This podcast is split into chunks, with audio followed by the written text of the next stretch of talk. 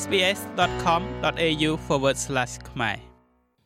ជាធម្មតាសុភាវធម៌ត្រូវបានគេកំណត់ថាជាក្រមទំនៀមទម្លាប់នៃអ្វីដែលត្រូវបានគេចាត់ទុកថាជាអកប្បកិរិយាគួរសមនិងសុជីវធម៌នៅក្នុងសង្គមឬវប្បធម៌ជាក់លាក់ណាមួយឬក្នុងចំណោមសមាជិកនៃរង្វង់សង្គមឬក៏វិជាជីវៈជាក់លាក់មួយដូច្នេះ តើអ្វីខ្លះដែលគួរនិងមិនគួរធ្វើនៅក្នុងសុភាវធម៌របស់អូស្ត្រាលី ក្នុងនាមជាប្រទេសមួយក្នុងចំណោមប្រទេសពហុវប្បធម៌ចម្រុះជាតិសាសន៍ច្រើនបំផុតនៅលើផែនដីអូស្ត្រាលីឥឡូវនេះបង្ហាញនៅវប្បធម៌និងក្រមសុភាវធម៌ដ៏វិសេសវិសាលមួយ ដែលបានរួមបញ្ចូលគ្នានៅធម្មជាតិនៃប្រជាជនចម្រុះជាតិសាសន៍របស់យើង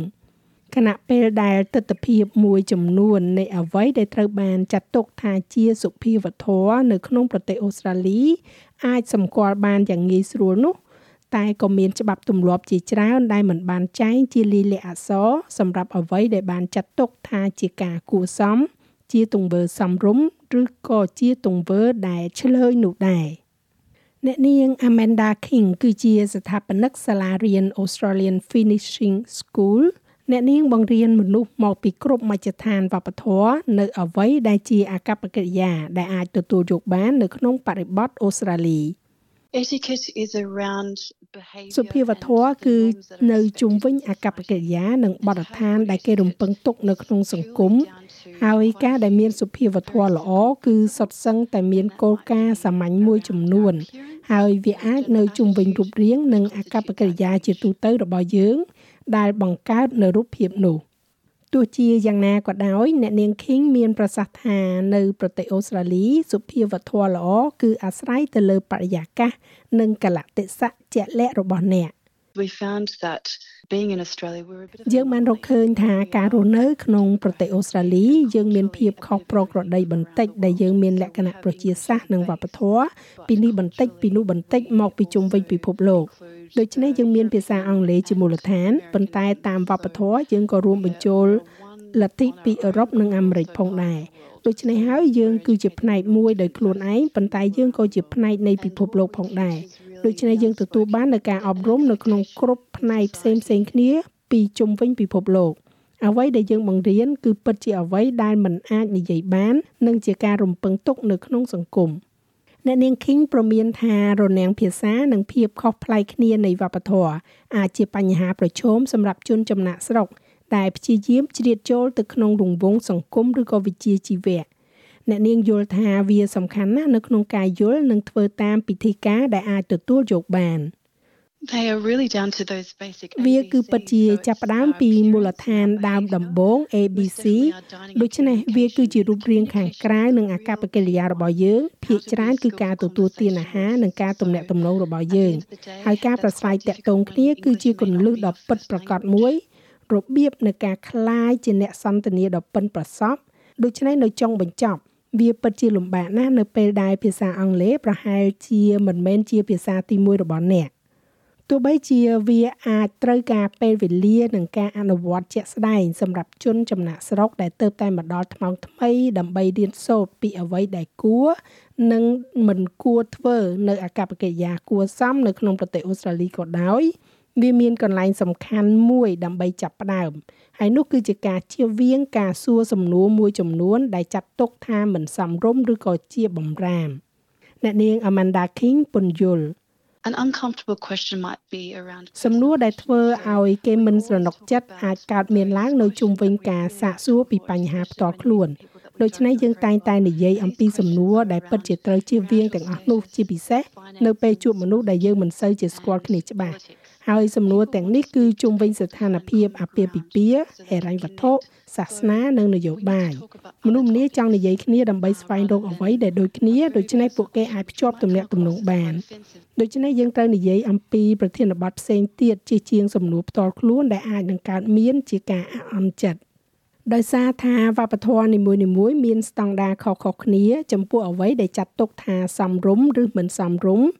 យើងក៏បានសាកសួរជនអន្តោប្រវេសន៍ដែលមករស់នៅក្នុងរយៈពេលយូរមួយចំនួន ដែលពួកគេគិតថាវាគឺជាកំហុសឆ្គងនៃសុភាវធម៌លោក Vin Mas E មានដើមកំណើតមកពីហុងកុងហើយបានរស់នៅក្នុងប្រទេសអូស្ត្រាលីអស់រយៈពេល10ឆ្នាំមកហើយ។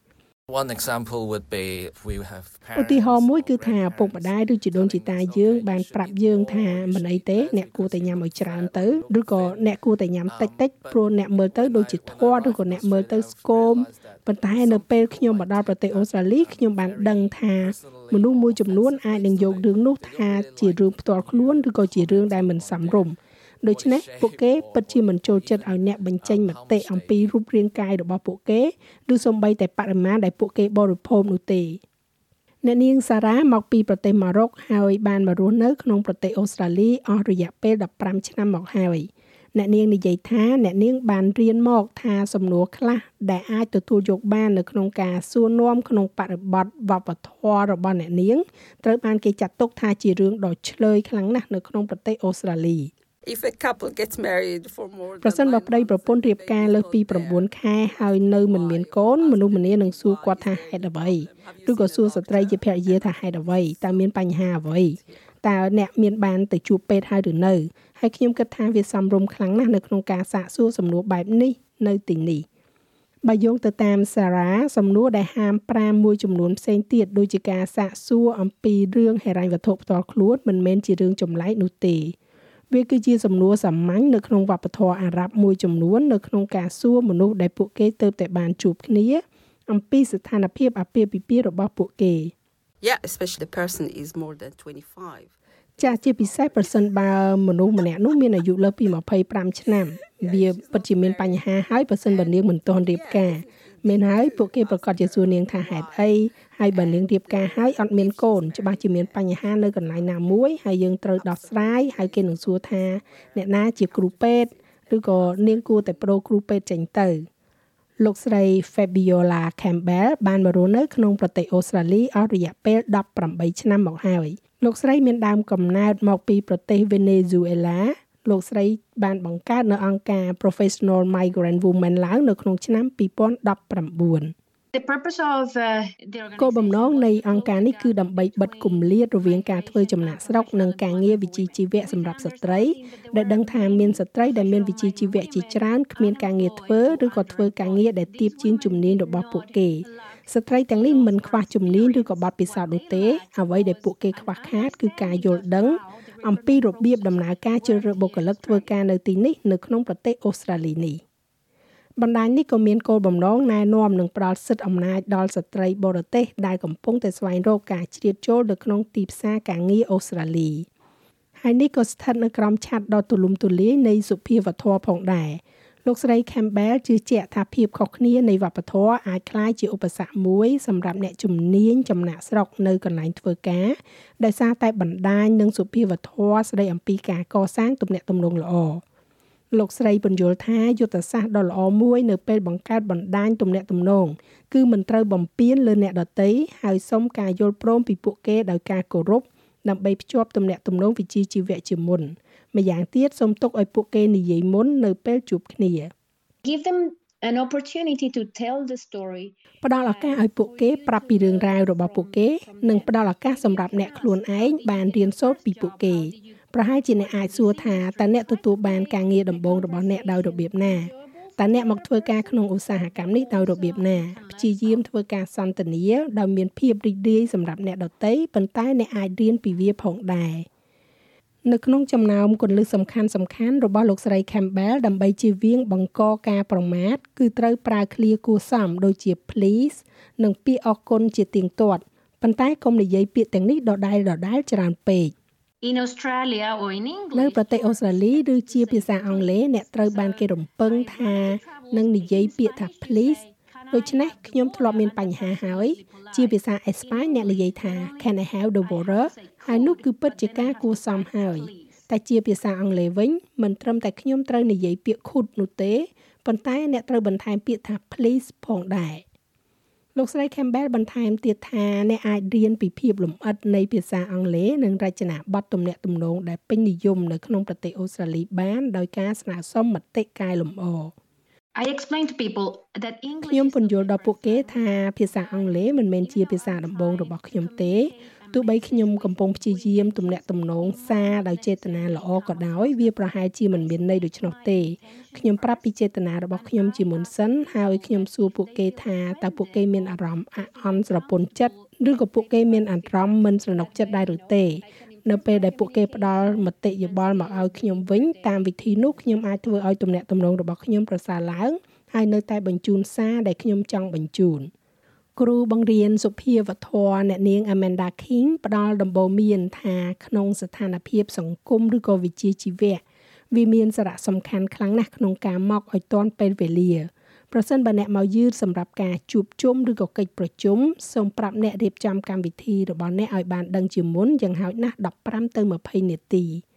ដូចគ្នានេះផងដែរត្រូវប្រកាសថាអ្នកណែនាំខ្លួនអ្នកឲ្យបានច្បាស់ច្បាស់និងទំនុកចិត្តដល់អ្នកដទៃ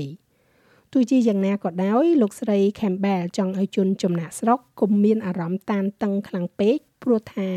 មនុស្សជាច្រើននៅក្នុងប្រទេសអូស្ត្រាលីមានបទពិសោធន៍នៅក្នុងការប្រស្រ័យតាក់ទងជាមួយនឹងមនុស្សមកពីវប្បធម៌និងភាសាខុសៗគ្នា Most people in Australia they have contact with migrants មនុស្សភាគច្រើននៅក្នុងប្រទេសអូស្ត្រាលីពួកគេមានទំនាក់ទំនងជាមួយនឹងជនចំណាក់ស្រុកនិងជាពិសេសជនចំណាក់ស្រុកដែលភាសាអង់គ្លេសគឺជាភាសាទី2របស់ពួកគេ ពួកគេប្រហែលជាយល់ថាមនុស្សមួយចំនួនមិនចង់មានន័យបែបនោះទេប៉ុន្តែពួកគេប្រហែលជាមិនមានជំនាញភាសានៅក្នុងការប្រស្រ័យតាក់ទងគ្នាតាមរបៀបត្រឹមត្រូវចាស់ហើយរបាយការណ៍នេះចងក្រងឡើងដោយ Claudiana Blanco ហើយប្រែសម្រួលសម្រាប់ការផ្សាយរបស់ SBS ខ្មែរដោយនាងខ្ញុំហៃសុផារ៉ានី